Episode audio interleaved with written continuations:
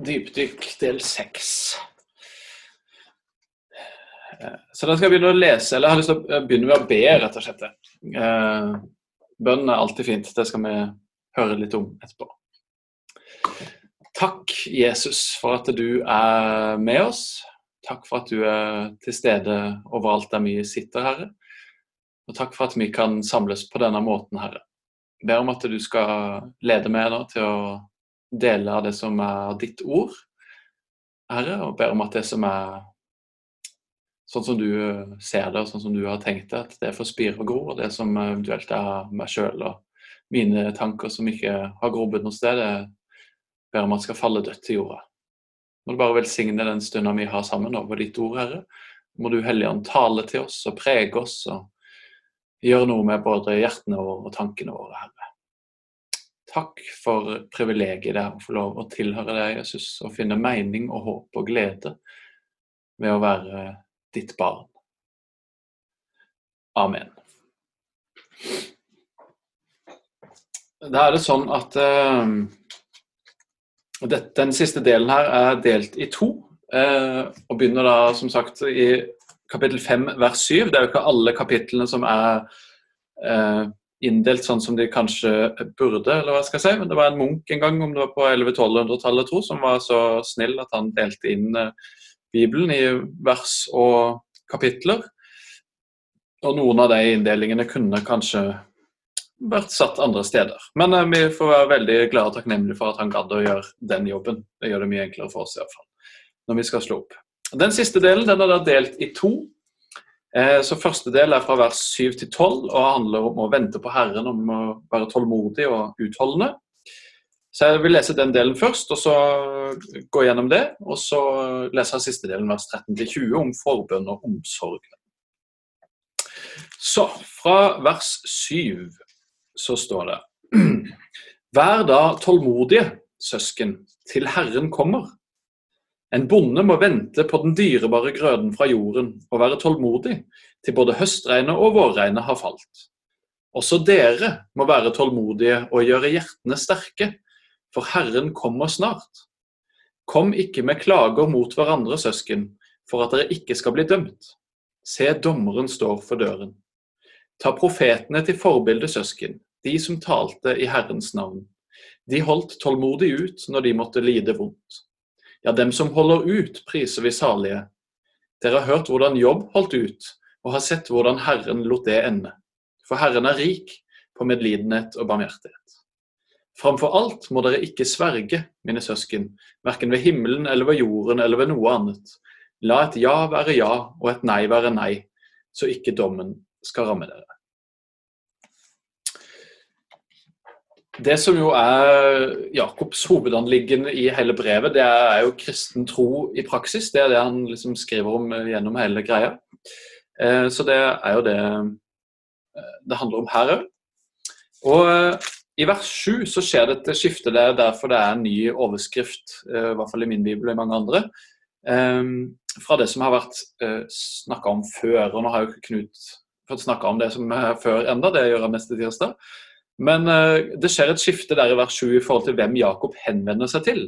For I versene før så har han uh, talt til de rike og selvsikre, til det som stoler på seg sjøl og på rikdommen sin.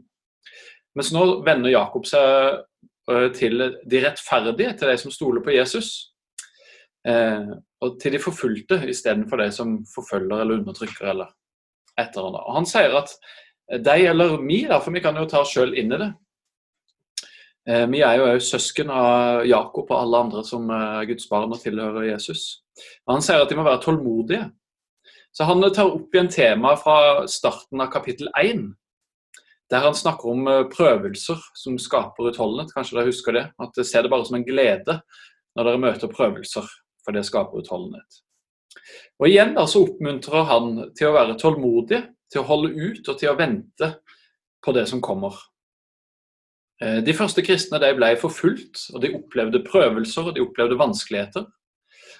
Og Det hender en da innimellom at eh, jeg syns eh, livet kan være krevende. Og Da kan jeg noen ganger ønske meg at åh, tenk om Jesus kommer igjen nå. Så kan jeg slippe unna det som henger over meg, som tynger meg og som er utfordrende. Og så har han ikke kommet igjen enda.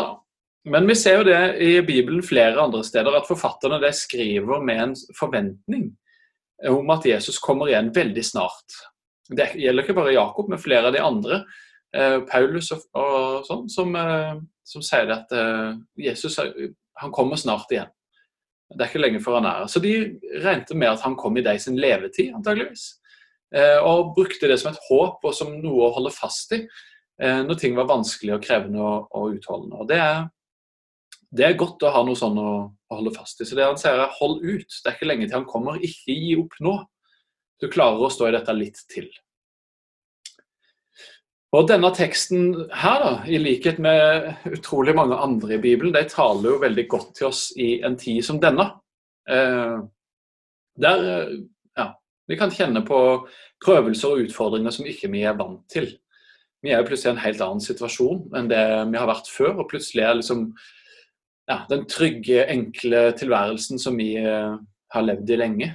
Plutselig stopper alt opp, og så skjønner en kanskje at oi, Eh, alt går ikke på skinner, og verden er ikke ja, så selvfølgelig på en måte som vi skulle tro. Eh, og plutselig så dukker det opp et virus som gjør at det påvirker hele verden, og vi må gripe inn og gjøre noe annerledes. Og Mange kjenner at de uroer seg. Vi kan bekymre oss for sykdom, vi kan bekymre oss for økonomi.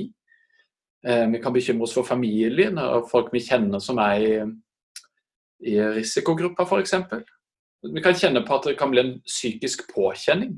Det at vi er fratatt friheten vår til å gjøre som vi vil, og at vi må holde oss innendørs. Vi har mindre egentid, mange. Mange har nok mer egentid. Men for dere som har barn rundt oss uh, hele tida, så må vi snike oss ned på kontoret av og til, selv om vi skal ha hjemmekontor, for å få litt egentid. Um, og mange kan kjenne på et stort ansvar for jobben sin eller for barn og for totalbelastninga knytta til det. En kan kjenne på frykt og bekymring for framtida. Og i det hele tatt. Det er mye som kan eh, påvirke og ta oss i denne tida. Og det er, det er, en prøvelse. Det er en, eh, en, utfordrende tid for mange. Så da kan det være trøst å hente òg for oss i Jakobs ord. Og han eh, oppmuntrer jo da til å være tålmodig og til å holde ut. Han sammenligner det å være tålmodig med sånn en bonde må være tålmodig og vente på avlingen sin. Eh, det tar jo en god stund fra han har sådd i jorda til den gir grøde. Eh, og her står det om både høstregn og vårregn. I mer eh, tropiske strøk enn våre da, så er det jo regntider, og sånn er det jo i Israel. At det er regntid fra sånn oktober-november og til januar ca. Det er det såkalte høstregnet. Og så Forut for det, da, i oktober-november, sånn, så, så sår det jo. Og så er det et opphold i februar der ikke det er regntid, før vårregnet da kommer i mars-april. Og så kommer innhøstinga i mai.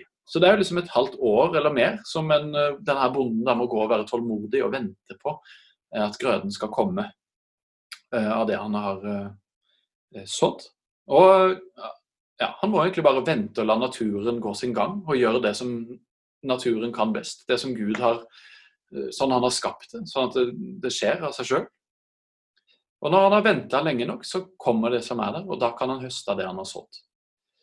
Hvis han gir opp midtveis, så får han jo ikke glede av den grøden. Eller hvis han høster for tidlig, eller hvis han ja, ikke gidder mer, på en måte.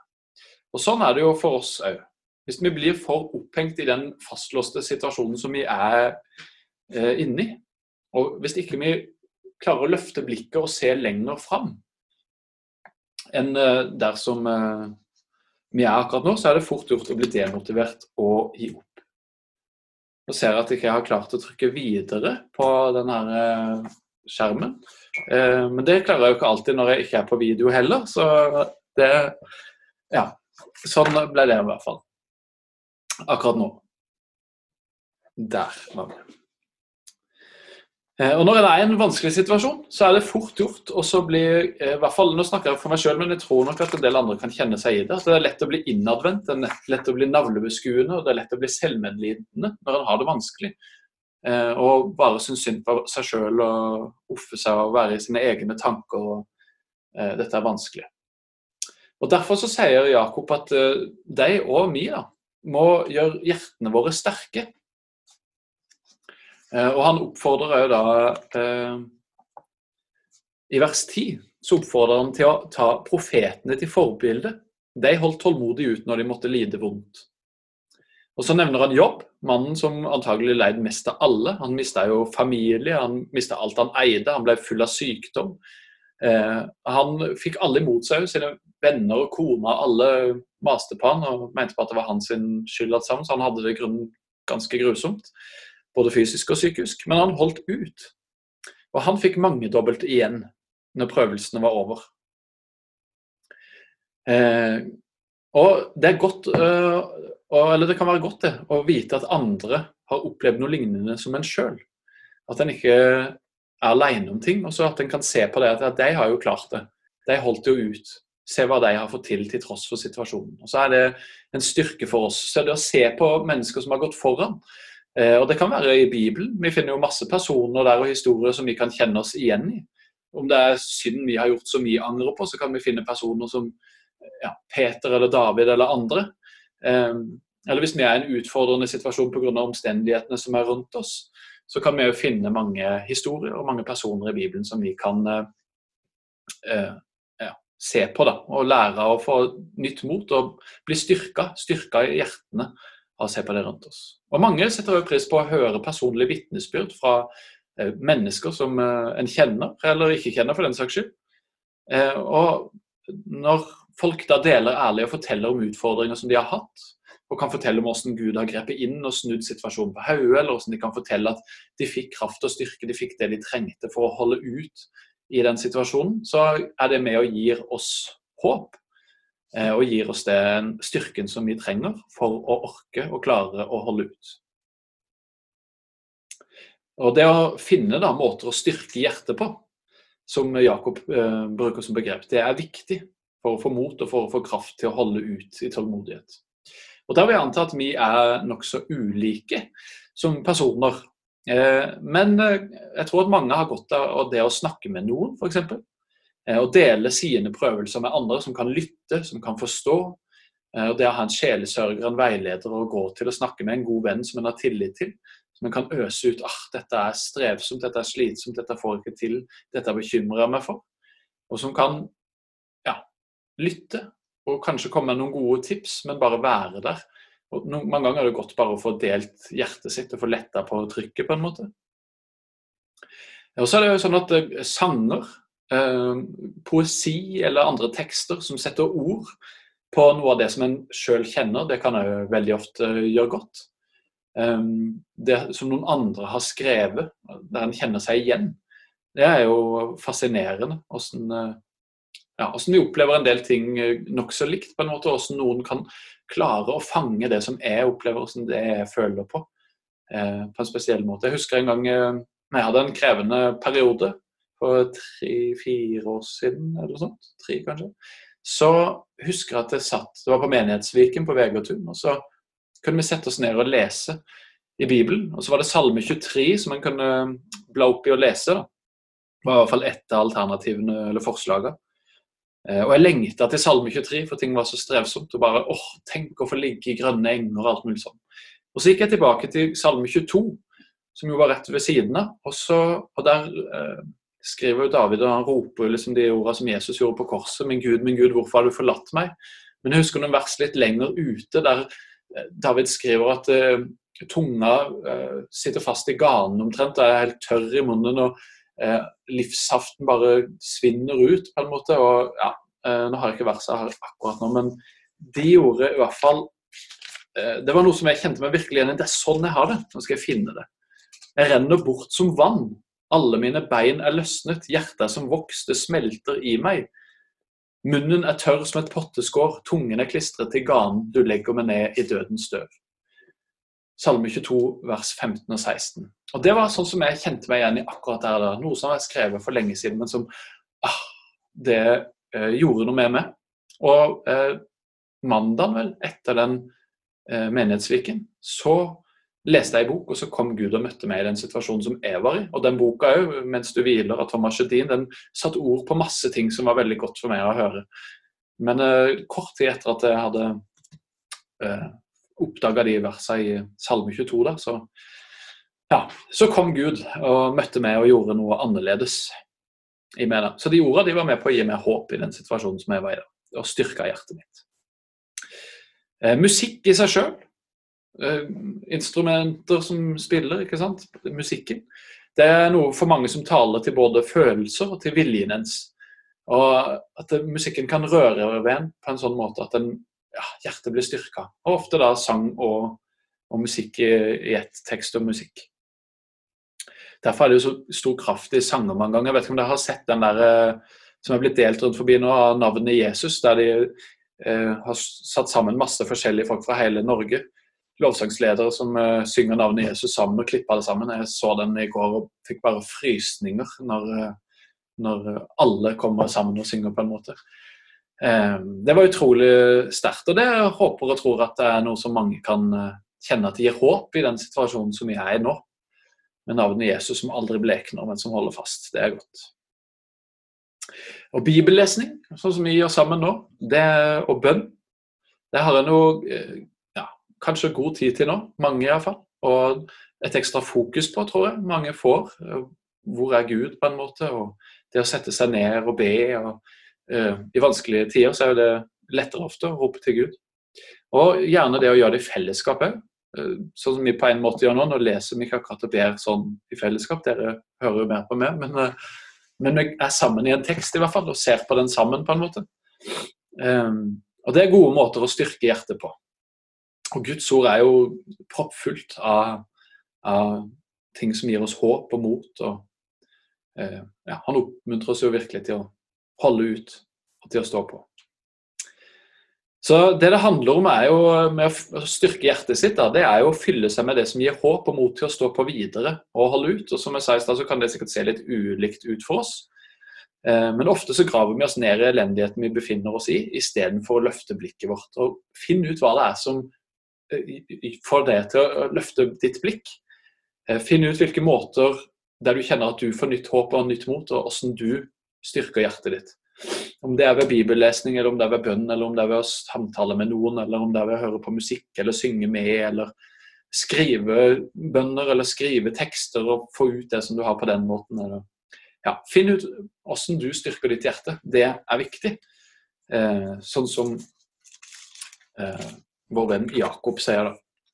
Vær tålmodig og gjør hjertene sterke.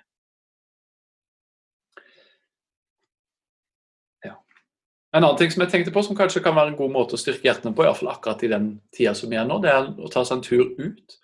Eh, også sånn som Bonden må vente og se på at det skal spire og gro og bli avling, så kan vi se på våren som er ute. Se at det begynner å, å komme knopper på trærne, og at det begynner å bli grønt, og at det er lyst lenger. og At verden går sin gang. På en måte Naturen den fortsetter, til tross for at eh, ja, verden har stoppa opp, på en måte. da.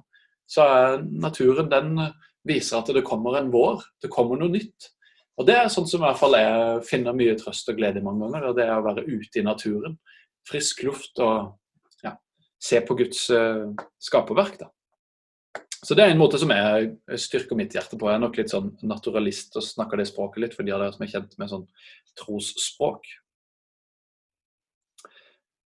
Jepp.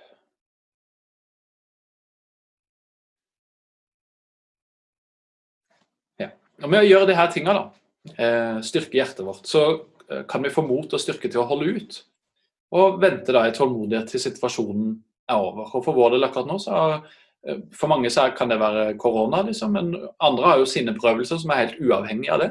Så det kan like gjerne være andre ting. Men at en får det en trenger for den situasjonen er, sånn at en kan eh, ha tålmodighet til å stå igjennom den. da. Og jeg tenker I forbindelse med akkurat den situasjonen som vi alle er knyttet til for korona, eh, så blir forhåpentligvis ikke alt som før, tenker jeg litt. For alt er jo ikke bra. Så det, hvis vi kan bruke dette til å bli utrusta til å takle situasjoner på en ny og bedre måte, så er det fantastisk. Da er vi jo i, i kapittel 1 med å se det som en glede når vi møter prøvelser, fordi det gir oss utholdenhet og det, det skaper noe i oss. Eh, kanskje vi da har fått større tålmodighet gjennom å være i denne situasjonen. At vi har fått et sterkere håp, at vi får mer innsikt i Guds ord og vårt eget indre. At vi blir bedre kjent med oss sjøl og med Guds ord. At vi får et nærere fellesskap med familie og venner, selv om ikke vi kan være sammen med alle. familien er jo mange veldig nært knytta til akkurat i de dagene, der en er mye sammen. Men tider med prøvelser, det er tider for å vokse. Vi blir utfordra. Og det er som når du går på treningsstudio, så er det når du bruker musklene, når de får motstand, det er da du kan bygge muskler. Så er det viktig å hvile, selvfølgelig. for Hvis du bare bygger muskler hele tida, så vokser det ikke. Du må eh, arbeide og hvile her. Men eh, tider med prøvelse er iallfall tider for å vokse. Det er vi i nå. Så det kan vi ta med oss. Det er jo å styrke hjertet i seg sjøl og vite det og tenke på det og bli minnet om det. Så selv om ting virker håpløst og krevende, så kan vi glede oss over at da prøvelsene skaper utholdenhet. Og det kan komme utrolig mye godt ut av det som er vondt. Og det er noe å styrke hjertet med, tenker jeg. Og hvem vet om vi har vanskeligere ting i møte i framtida som vi har godt av å ruste oss for nå. Det kan godt være at vi har godt av å bli utfordra i den tida her og ja, få prøvd oss litt. Og ja, få tålmodighet og det vi trenger. For plutselig om et år eller fem eller når som helst, så kan det komme enda vanskeligere tider. Og det tror jeg egentlig. Så står det eh, til slutt i vers 11 og for så vidt, bare for å ha nevnt det, nå sier jeg at um, kanskje om fem år kommer det noe kanskje videre og sånn. Men uh, det å leve med at Herren kommer snart, som et uh, ja, noe å ta med seg, da. Det er jo uh, veldig bra å leve med en sånn bevissthet om at oi, i dag kan det være siste dagen, på en måte. Og hvordan lever en livet hvis en tenker at det er over i dag eller i morgen?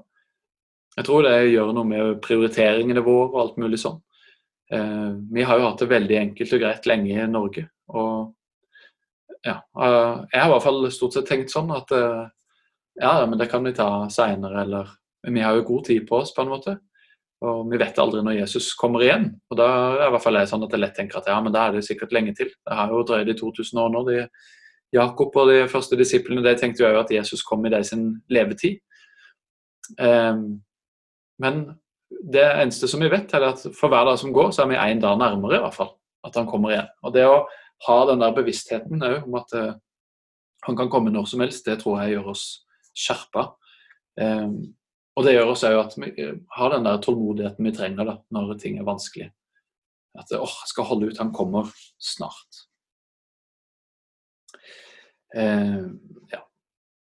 Til slutt, da, i vers 11, eh, så står det at eh, Herren er rik på medlidenhet og barmhjertighet.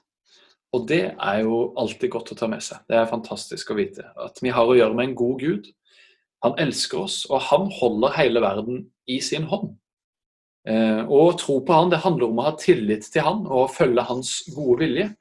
Og Det er det som eh, Jakob eh, oppmuntrer oss til gjennom hele dette brevet. Det er jo nettopp det.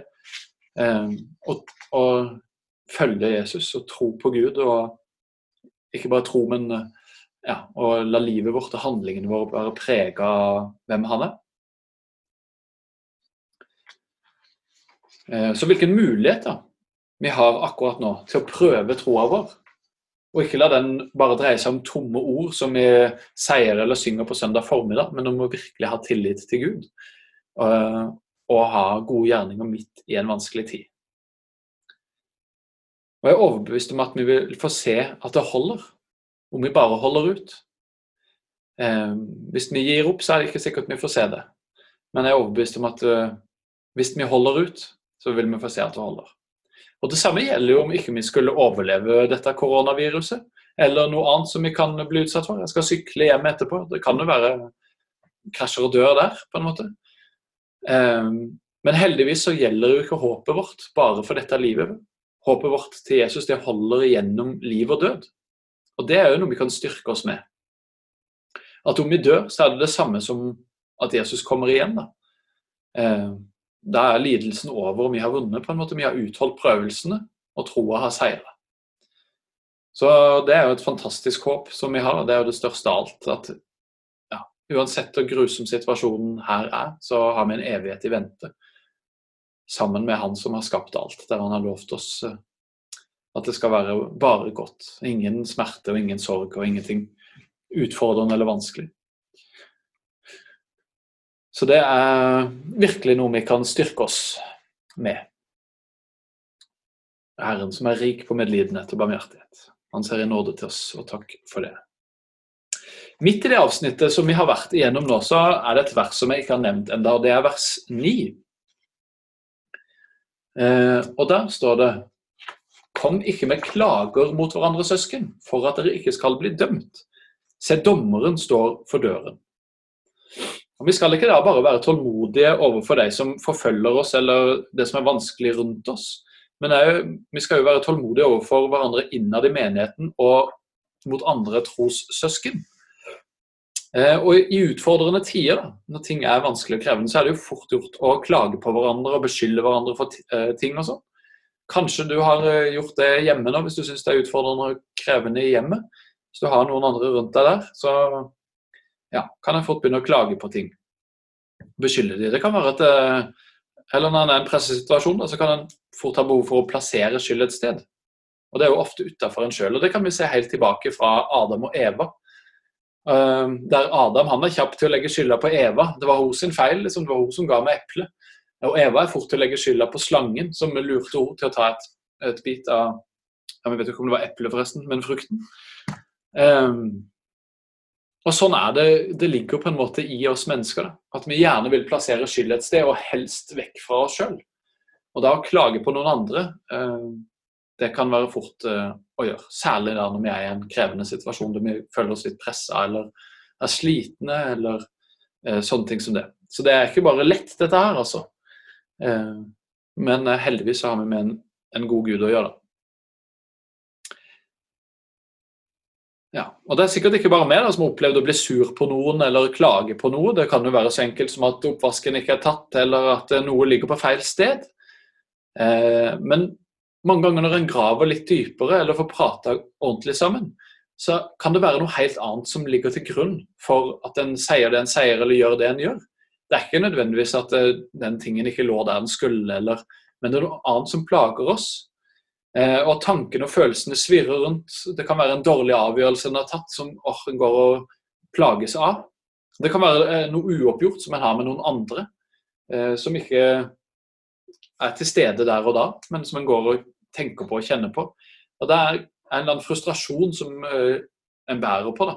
Og Enkelte ganger så kommer dette, den frustrasjonen til syne på helt feil sted til helt feil tid, og retta mot helt feil person. Uh, og Det ja, har jeg opplevd å gjøre, og det har jeg opplevd at andre har gjort imot meg flere ganger. Som en heldigvis snakka godt ut. Uh, og kommet til bunns at å ja, det skyldes noe helt annet. Det ligger et helt annet sted. Men det, ja, i krevende situasjoner da, så er det ekstra lett å snuble på den måten og, og klage på hverandre. og sånn. Og I menighetssammenheng så kan en fort gjøre det når en er stressa eller det er mye å gjøre, eller i vanskelige situasjoner der òg, når det er spesielt utfordrende tider i, i fellesskapet og i menigheten, så kan en fort begynne å klage på hverandre istedenfor å ha en raus og varm holdning overfor hverandre. Ha tålmodighet med hverandre eh, og sånne ting. Eh, og Jesus han sier jo ca. akkurat det samme eh, som Jakob gjør her, i Matteus 7,1. Jeg nevnte jo det den første kvelden at Jakob har utrolig mange paralleller til det Jesus sa, særlig i bergpreken, som vi finner i Matteus 5-7. Og Det var jo til tross for at Jakob ikke hadde noe skriftlig materiale å gå etter, så han, han bare kjente til det som Jesus hadde sagt, enten om han var til stede sjøl og lytta, eller om andre hadde fortalt til han at den muntlige Jesus-tradisjonen levde veldig. da. Men Jesus han sier i Matteus 21 døm ikke for at dere ikke skal bli dømt. Mens Jakob han sier at vi ikke skal klage eller kritisere. Da uh, setter vi oss sjøl i dommerens sete. Ikke sant? Når en klager på noen, så, så setter han seg i dommerens sete. Og der, i, Med ordet 'klage' her så mener ikke Jakob konstruktiv kritikk.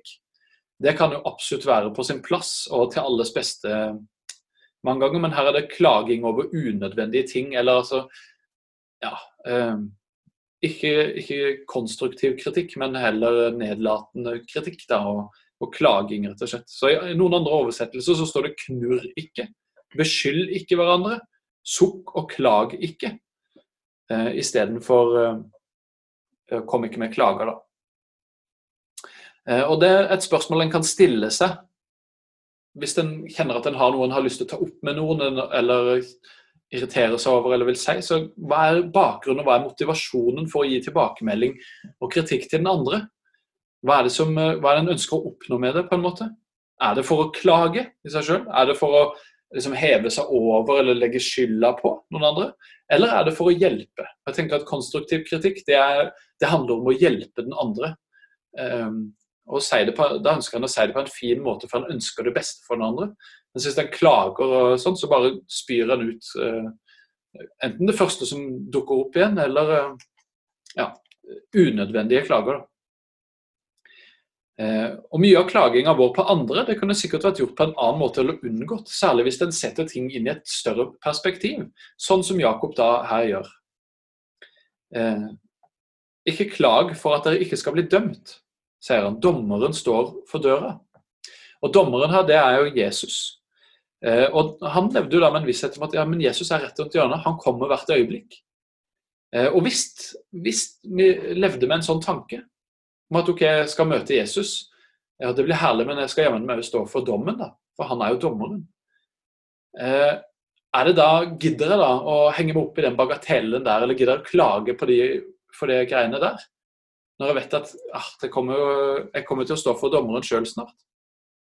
Og Hvis vi visste at Jesus kom igjen i morgen, eller vi levde med den bevisstheten, hadde vi da gått å klage på småting? Hadde vi bekymra oss for de bagatellene? Hadde vi orka å bry oss om det? Eller gjør det større bildet at vi ja, overser og bare tar den oppvasken som står der, eller ja vel, så lå ikke den tingen der den burde, eller hva enn det skulle være. Eh, jeg tror det at vi, i hvert fall ved å ha fokus på det større bildet, så kan en lettere overse de der eh, småtinga, på en måte, de bagatellene. Det som ofte gjør at vi klager. da. Eh, for den konstruktive kritikken den kommer ofte ikke på småplukk, på en måte, men den kommer på småting som i eh, Eller den konstruktive kritikken kommer jo på større ting, men klaginga det kommer bare sånn åh, jeg er lei av det, eller slutt med det. Kan du ikke gjøre sånn isteden? Eh, I første Korinterbrev 6 da, så skriver Paulus, det er han som har skrevet det, han tar opp noe av det samme eh, som Jakob gjør her, om at ikke de skal klage mot hverandre, søsken, og det med å ja, ha uro innad i fellesskapet. Og I 1. Korinterbrev 6, da, vers 7-8, så skriver Paulus at dere har rettssaker mot hverandre, er i seg selv et nederlag for dere. Hvorfor lider dere ikke heller urett? Hvorfor ikke heller lide tap? Men dere gjør urett og lar andre lide tap, til og med søsken, skriver Paulus her. Og Dette tenker jeg det er utfordrende ord for oss i vår tid. Fordi for I samfunnet vårt så er det stort fokus på hvilke rettigheter vi har. Vi har rettigheter som arbeidstakere, der vi kan slå i bordet med ting. Eh, foreldre med barn i skole eller barnehage, vi har masse rettigheter i forhold til deg, som lærer og andre må følge opp. Når du er eier av ei tomt, f.eks., så har du en hel masse rettigheter i forhold til dette er mine grenser, og naboen kan ikke gjøre sånn, og jeg har lov å gjøre ditt og datt. Eh, og ja, Dette preger oss da, som mennesker og oss som kristne. Og Det er en mentalitet som vi fort kan ta med oss inn i menigheten òg, tenker jeg. Og som gjør at vi lett kan klage på andre. Og vi kan på en måte ønske å hevde oss sjøl og hva som er mine rettigheter. Og vi blir mer opptatt av hva vi kan få igjen ved å være med i et fellesskap, eh, enn hva vi kan være med og bidra med. Og Det tenker jeg det er uheldig. Og det er, ja, Der snur vi ting på øyet. Dessverre, i en kan jo bli medlem i hva som helst i Norge. da. Altså Det kan jo være Coop eller ja, you name it. Så de har ødelagt litt hele medlemstanken, tenker jeg. da. Fordi at eh, Som et medlem i, i Coop så får du visse ja, goder da, ved å gi fra deg litt informasjon om deg sjøl. Eh, det kan jo være skummelt nok i seg sjøl, kanskje, den informasjonen de gir fra seg. Men, eh, men, det er veldig lite forpliktende. da. Mens det å være medlem i en menighet og det å være en del av et fellesskap som står sammen, det innebærer jo et ansvar og en forpliktelse der en bidrar med noe, der en ønsker det beste. Og det å tilhøre Jesus og, og ønske å leve som en etterfølger av han, det, det har jo noe å si for livsførselen vår, da. Som Jakob jo maser stort om, på en måte. Um, og da, Jakob han sier liksom ikke klag på de andre, liksom. Hold ut, på en måte. Og Paulus han sier lid heller tap. Og jeg tror at dommeren, da, Jesus, han ser stort på de gangene der vi velger å lide urett og tap, framfor å ture fram for å vinne vår rett. Og Dessverre så syns jeg å spore en utvikling i samfunnet vårt eh, av mindre sunn fornuft og større grad av lover og regler for alt mulig. Og det, sånn som jeg tenker da, Dette er mine tanker, så ta det for det det er. Men uh, sannsynligvis så er det sånn fordi at vi blir mer opptatt av rettighetene våre og får mest mulig profitt ut av enhver sak.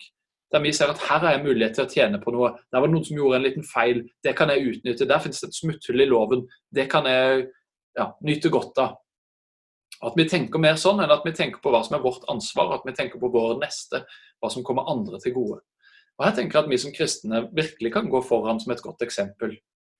Og Det gjør kanskje at vi får mindre tomt, eller kanskje eh, vi ikke får like stor erstatning som vi kunne ha fått.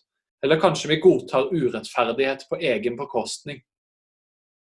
Men kanskje det òg gjør at vi opplever større glede og større frihet. Fordi at vi da ikke er så bundet av rikdom og det vi eier. Det er i hvert fall mine refleksjoner og mine tanker rundt det. Jeg tenkte akkurat nå på han ordføreren henne i Nå heter det ikke Vest-Agder lenger, men uh, han var vel uh, Norges yngste ordfører eller noe sånt, som uh, ga fra seg en stor del av ordførerlønna. Som sa at jeg trenger ikke så mye lønn. Det var jo en KrF-ordfører som da sannsynligvis er kristen. Jeg tenker det, Han fikk så mye kred for det. Eh, og det er sånn forbilledlig, tenker jeg. Der vi viser at nei, men eh, jeg vil være raus, jeg vil gi. Og jeg vil ja, tenke på andre som har eh, mer behov for det.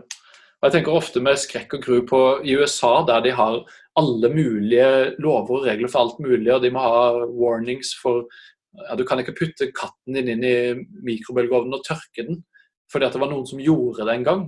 Og så døde den katten, og så saksøkte de eh, produsenten, og så vant de saken. Eh, og så tenker jeg at ja, men bruk nå litt sunn fornuft. Og den sunne fornuften den forsvinner jo.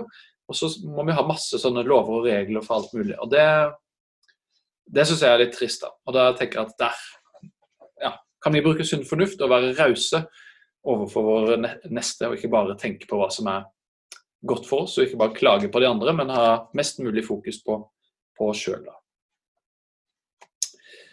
Til slutt i dette første avsnittet av Jakobs brev om tålmodighet og det å vente på Herren, så kommer et vers om ikke å sverge. Og eh, det er jo da i vers 12.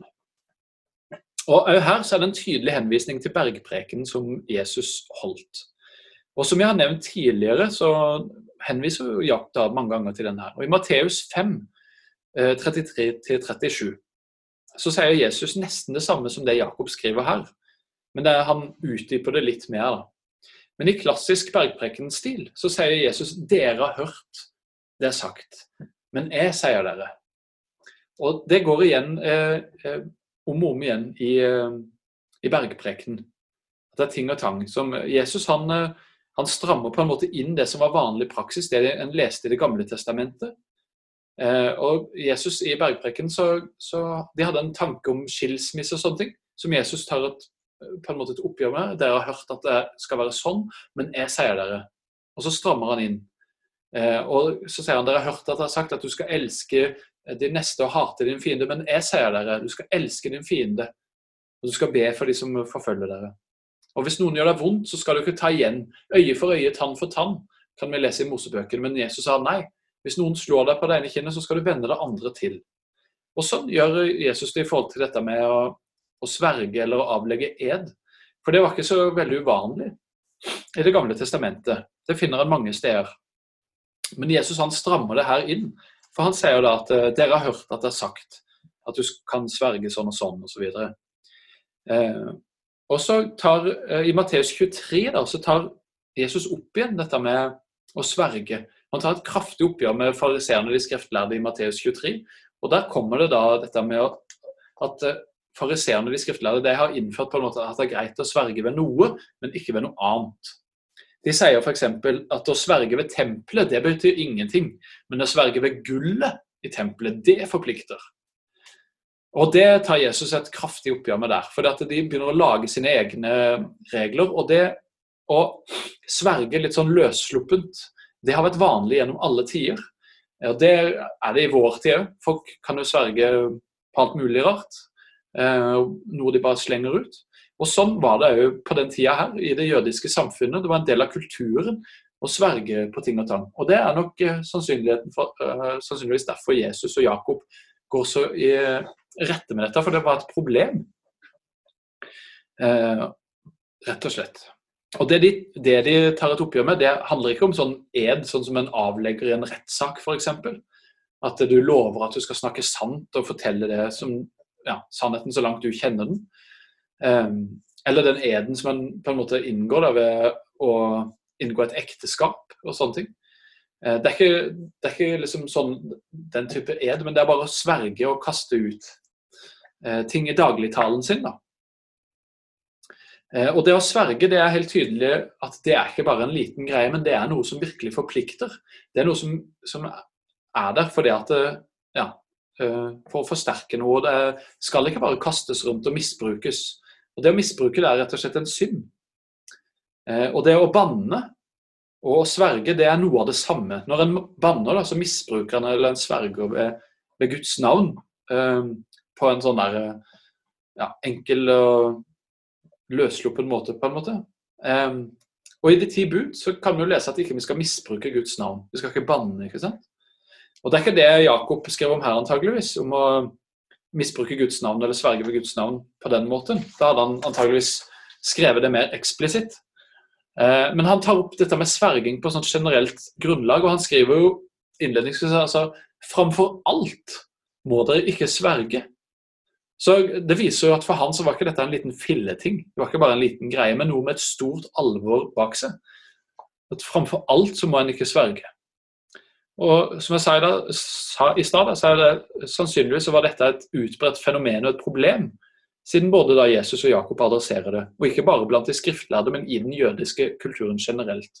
Og Jakob skriver jo dette brevet til jødekristne rundt forbi, i landene rundt Israel. Eh, og sannsynligvis har de fremdeles det som en del av kulturen sin og dagligtalen sin og hverdagen sin å slenge ut at de sverger. Eh, og at det var på en måte en vanlig del å kommunisere på.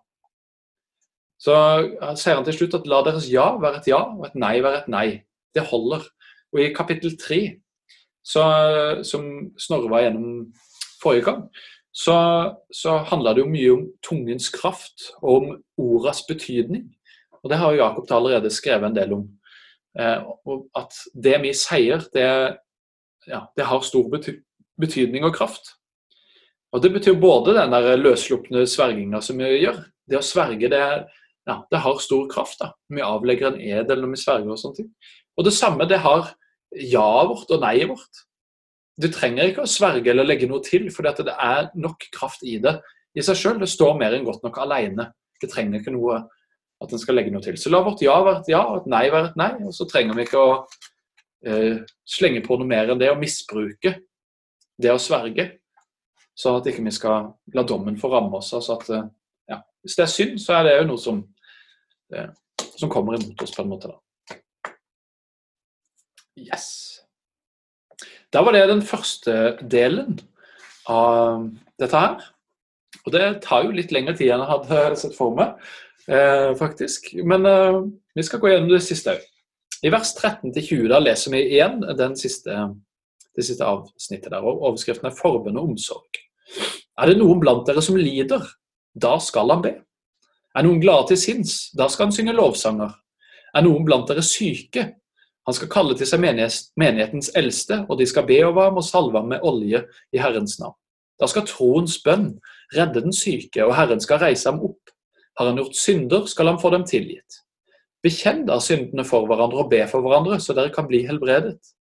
Et rettferdig menneskes bønn er virksom og utretter mye. Elia var et menneske under samme kår som vi. Han ba inderlig om at det ikke måtte regne, og i tre år og seks måneder falt det ikke regn på jorden. Så ba han på ny, og da ga himmelen regn, og jorden bar igjen grøde. Mine søsken, dersom en av dere forviller seg bort fra sannheten, og en annen får ham til å vende seg om, Så skal dere vite, den som får en synder til å vende om fra sine ville veier, berger sjelen hans fra døden og skjuler en mengde synder. Og Da kommer vi altså over i det siste avsnittet av Jakobs brev. Uh, ja. Og Her snakker han om hvordan vi skal ta vare på hverandre i fellesskapet. Og Han snakker også om uh, hvilken kraft det er i bønn. Og Det første han tar opp, det er hva de som lider, skal gjøre. Og Vi har i starten i dag sett på hvordan å være utholdende når det er utfordringer og prøvelser, uh, og hva vi kan gjøre da. Og Her gir Jakob ett av de svarene, det er nemlig bønn. Hvis noen lider, så skal han be. Og Hos meg så kommer dette ganske ofte automatisk. At eh, Når jeg har det vondt eller utfordrende, så er bønnen om Guds hjelp den aldri langt unna. Da er det lett liksom å henvende seg til Gud. og, og sånn, og Kanskje du kjenner deg igjen i det. Og Noen ganger så kan jeg tenke at jeg burde liksom være flinkere til å be, eh, uavhengig av hvordan omstendighetene mine er. og Ikke bare be til Gud at 'Å, nå trenger jeg deg, Gud', men når jeg har det bra. og når ting er normalt, på en måte. Eh, at jeg burde ja, be like intenst eller eh, inderlig da. Men så står det jo her at, eh, at eh, Jakob sier det, at når vi lider, så skal vi be. Så den bønnen som kommer av ting er krevende rundt oss, det er jo en god bønn. Og det er riktig å gjøre, da. Og det er jo mye verre om ikke vi ber. Så det er helt, helt riktig av sted. Når vi lider, så skal vi be. skal vi rope til Gud. Da skal vi be om hans hjelp og nåde. Og Det neste som han da trekker fram i samme verset, da, det er jo at de som er glade, de skal synge lovsanger. Eh, og Mange ganger så kan jeg synes at det er vanskeligere å be når ting er godt. Eh, og plutselig så klarer jeg meg i hvert fall sånn tilsynelatende godt uten Gud. at Ting funker jo ikke. Funker jo, eh, og det stemmer jo selvfølgelig ikke at ikke det går bra uten Gud, men det er sånn det kan oppleves at ja, jeg fikser jo livet og sånne ting. Og Jeg husker en morgen for et par-tre år siden, tenker jeg, kanskje lenger, tida går jo fort, så satt jeg her på kontoret med Bibelen og bønneboka mi. Og så kjente jeg meg så lett og glad. Det var en skikkelig deilig dag. Eh, eh og jeg husker jeg tenkte at åh, i dag kan jeg liksom gå med heva hode og møte blikket til hvem som helst. og Hvis jeg møter noe utfordrende eller kommer i samtale med noen, så vil det kjennes lett på en måte. det var lystig, da. Lett til sinns. Er det lett å leve, tenkte jeg. Og så, mens jeg satt der, så plutselig så fikk jeg en tanke. Og den tanken var sånn Du er like avhengig av Gud i dag som alle andre dager. Pass deg så ikke du blir selvsikker og stoler på deg sjøl og din egen dagsform. Og Det ble en vekker for meg. da. Og Det tok ikke gleden min den dagen. Jeg var glad og fornøyd videre òg. Men det ble en påminnelse om det å være tett på Jesus, da, for å bruke et begrep fra både visjonen vår og tida mi jeg i, eh, i tallserien på gudstjenestene våre. Men å være tett på Jesus òg når livet er godt, og ikke bare rope til han når, når livet er krevende og vanskelig. Eh, men når livet er godt, så er kanskje ikke bønnen det første som kommer. Men det er lovsangen. Er noen glade til sinns, da skal han synge lovsanger. Eh, og det å takke Gud istedenfor. Å takke han med sang eller ikke, altså. Men å lovprise han for det han har gjort, for det han har gitt oss. Og Når vi er glade, så skal vi ikke glemme Gud, men vi skal takke han for alt det som er godt. For alt er en gave fra ham. Og Det er jo så deilig når det er godt. Og det er bare å fryde seg over det. For uh, jeg har i hvert fall lært meg til å tenke det og huske det at å ja, det varer jo ikke sånn for alltid, men jeg skal i hvert fall nyte det når jeg har sånn dag der en føler at en flyr. Og det kan en takke Gud for. Da kan vi lovsynge.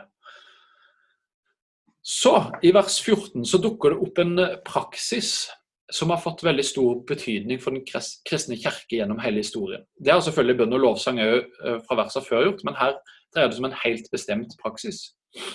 Og I den katolske kirke da, så er dette med forbønn og salving av syke det er et av deres sakramenter. Eh, tidligere så kalte de den siste olje, og nå velger de å kalle det sykesalving. Eh, fordi at den siste olje det ble liksom gitt på dødsleie. Eh, og det ble sett på som litt problematisk, for noen ganger så ga det det til mennesker som eh, var bevisstløse og ikke var til stede. Og i tillegg så ja, tolka de versene fra Jakob på en litt ny måte. Som gjorde at òg i den katolske kirke nå, da, så er salving av syke det er vanlig under messer. Eh, altså gudstjenester. Ved skriftemål, når noen kommer og øser ut sitt hjerte til en pater, da, og så, så, kan det bli salva bedt for, eller ved bønn om helbredelse. eh, osv. Så, videre. så de bruker eh, sykesalving, da, som de kaller det i mye større grad enn bare den siste olje, sånn som det var tidligere. I våre sammenhenger da, så er det litt forskjellig hvor mye salving brukes. Og For en del så kan det nok oppleves litt rart, særlig hvis en ikke har ja, opplevd det før eller sett det særlig. Eh, og For enkelte så kan det kanskje virke som om at olja er litt sånn mystisk, at det er noe så spesielt med den olja. Eh, men salving med olje da, det bunner i det at det var vanlig å bruke olivenolje når en rensa sår. De hadde jo ikke pyresept eh, på den tida, f.eks., så de brukte det de hadde, olivenolje. Det funka bra til å rense sår med. Og den var òg et symbol for livgivende krefter i kulturen på den tida. Så Derfor valgte de å bruke olivenolje. Og det er altså bare vanlig olivenolje. Eh, sånn som du kan få kjøpt på butikken. Og Olja i seg selv har virkelig ingen magiske krefter. Men den fungerer da som et symbol for den bønnen en ber om helbredelse, f.eks. Eh, og Symboler de fungerer jo sånn at de blir en sånn synlig forsterkning. Sånn at det som er usynlig for oss, sånn som f.eks. bønn og bønn om helbredelse, da, at det skal kunne ses og kjennes òg det synlige. Så når en tegner f.eks. et kors i panna på noen med olje, så blir olja synlig, og så kjenner en berøringa eh, det, det, det, korsmerket, på en måte, i, i, panna.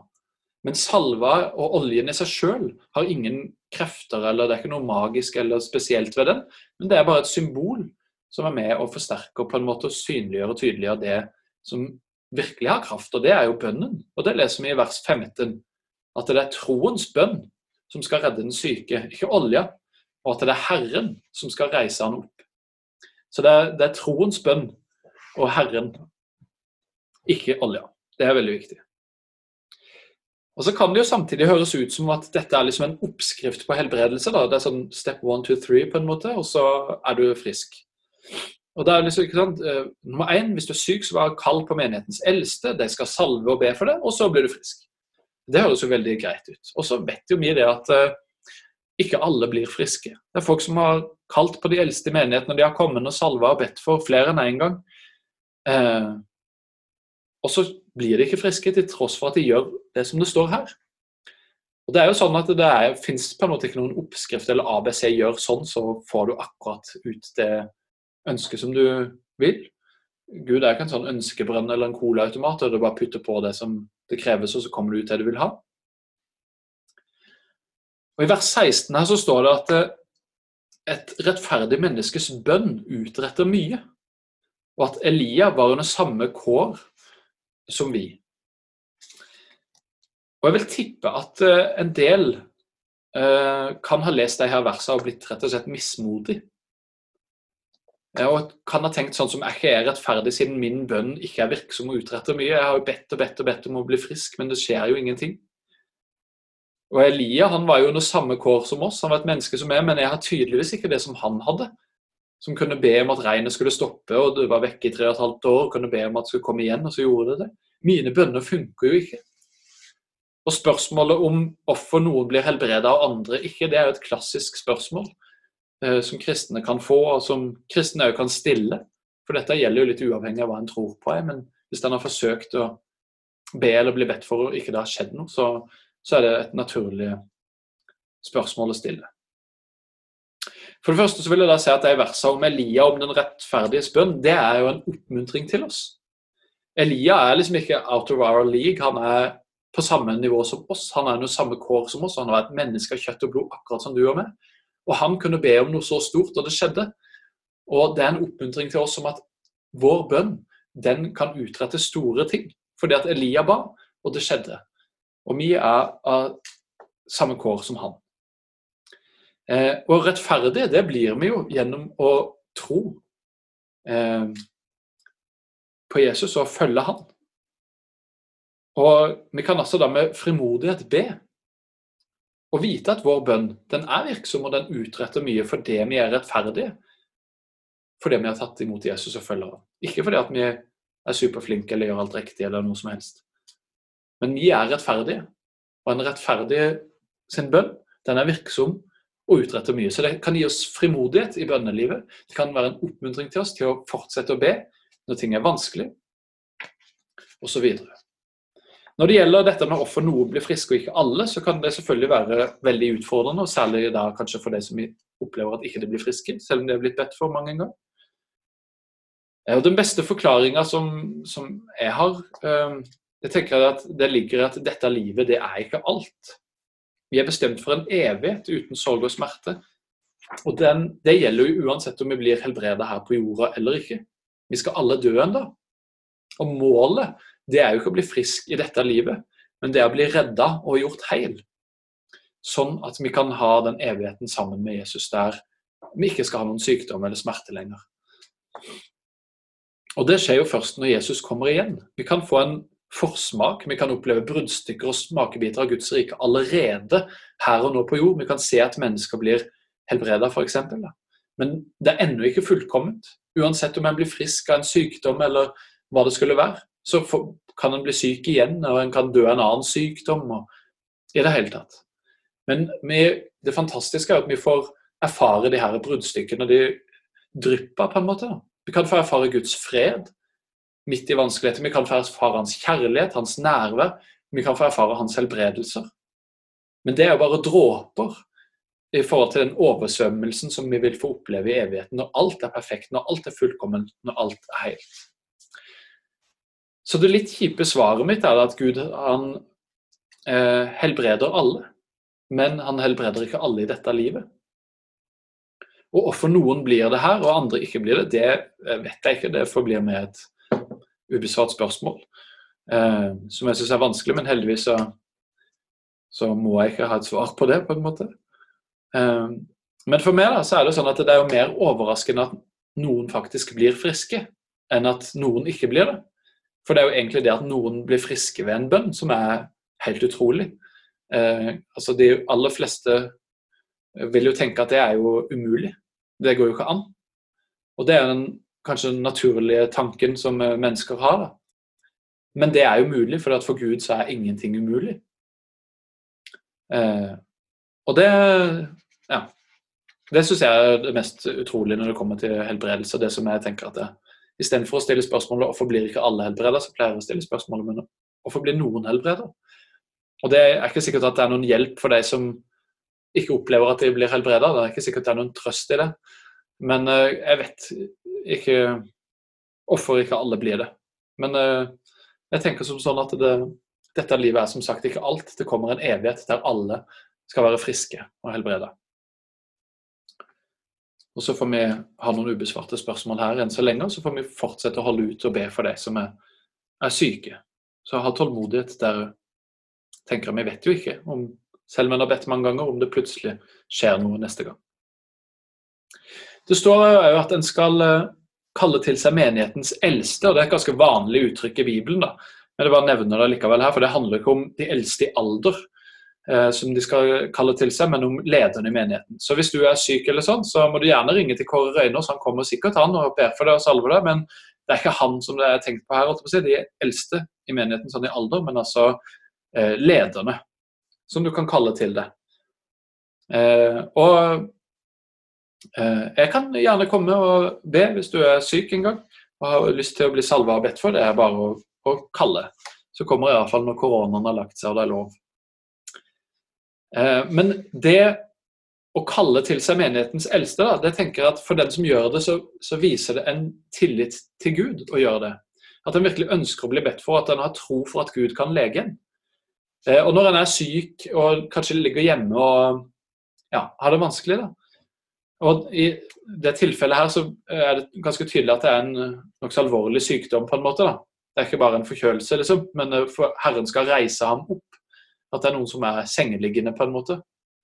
Um, sånn som det. Men Og ikke kan komme seg ut, kanskje, da, så skal du kalle dem hjem til. Uh, og det å kalle noen hjem, da, det er, som jeg sa, altså, du viser tillit til Gud, på en måte. Og det å ydmyke seg på den måten og si at jeg trenger hjelp, og jeg ønsker at noen skal komme og be for meg og salve meg, det er noe kraftfullt i det. Det gir et uttrykk for ja, en tillit til Gud, da. Og noe som er bra å gjøre, tenker jeg. Eh, fordi at det, ja, det er noe kraftig bak den handlinga. En kan kanskje tenke da, hvis en ligger hjemme sånn og er syk, at det hadde vært, tenk, kan ikke noen bare ringe nå, eller kan ikke noen bare komme og, og be for meg? og sånn, og Det gjør jo mennesker av og til, og det er fantastisk. og En kan gjerne eh, oppsøke mennesker som en tenker på at en har lyst til å gå og be for. Det. Men det, når en er syk sjøl, så vær frimodig med det, og be noen om å komme og be for deg. Så står det òg at eh, synderen har gjort, det skal en få tilgitt, og en skal bekjenne syndene for hverandre og be for hverandre. Og La oss ta med den oppmuntringa som òg ligger i det. La oss være utholdende i det å stå sammen i utfordringer og prøvelser, om det er sykdom eller frykt eller andre ting. Og la oss bli oppmuntra det til å holde ut i bønn. Og la oss bli oppmuntra det at våre bønner er virksomme og utretter mye. Og at Gud har gitt oss en mulighet til å stå sammen og be om helbredelse av hans overnaturlige inngrepen i våre liv og òg i våre kropper. At det kan være en, en god oppmuntring til oss. Og det fellesskapet som en eh, opplever når en bekjenner synder for hverandre og ber sammen, det er et helt sånn spesielt fellesskap som en får. Eh, som er utrolig kraftfullt og sterkt. Eh, og det er veldig bra. Så er vi kommer til det siste lille avsnittet her. Der det står at hvis en av dere forviller seg bort fra sannheten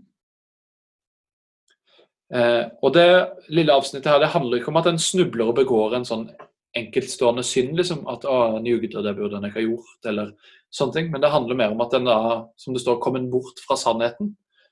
At en begynner å leve livet på en måte som ikke er etter Guds vilje. Kanskje en har forlatt troa helt og forlatt Gud, og i hvert fall ikke lever med han i bevisstheten sin. Um, eller det kan være at en gjør noen valg i livet som, en, den, som er på tvers av Guds vilje. Da. Som der en følger sin egen lyst og vilje, uh, som er på tvers av Guds vilje. Uh, og ja, Vi har sikkert opplevd sånne mennesker alle sammen rundt oss, som en gang uh, vi sto sammen med i tjeneste eller i menigheten, som har tatt noen valg eller eh, gjort noe som vi opplever at ikke var riktig. Eh, og så står det at hvis noen får en av disse til å omvende seg igjen, kanskje, hvis de har omvendt seg fra før, det har de jo naturlig gjort hvis de har vært søsken en gang tidligere, så berger de den personen fra døden. da, og I likhet med alle oss andre omvendte, så skjuler Gud syndene våre. Det vil da jo gjelde for den personen. Så det vil jo være hele livet for den om den tar imot på en måte den ja, irettesettelsen eller tilsnakkelsen, eller hva det skal kalles, som en får da, i forhold til det som en har gjort galt. Eh, men dette med å tale noen til rette eller påpeke ting som de gjør som ikke er til Guds vilje, det kan være utrolig krevende, og ikke minst i vår tid. tenker jeg. For vi lever i et utrolig individualistisk samfunn der eh, hver person er sin egen herre, og det er ingen som skal komme med og fortelle meg hva jeg skal gjøre.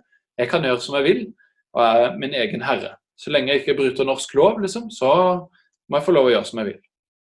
Og Det gjør at en ofte kan bli møtt med motstand om en forsøker å snakke med noen og ta opp noe med noen. En kan bli beskyldt for å være dømmende. En kan få beskjed om å ta bjelken ut av sitt eget øye før en begynner å plukke på andres fliser. Eh, at eh, ja, enhver bestemmer over sitt eget liv. Jeg bestemmer over mitt, du bestemmer over ditt, og du har ingenting med å komme og blande deg i hva jeg gjør. og sånn. Og Jo mindre kollektivistisk vi lever i samfunnet, jo lettere er det jo å følge sine egne veier. Så jeg tror at I vårt samfunn så er det mye lettere å følge våre egne lyster og gå våre egne veier enn i en stamme i Afrika f.eks. Eh, eller i andre religioner og kulturer der de har et mye mer sånn kollektivistisk eh, samfunn. Da.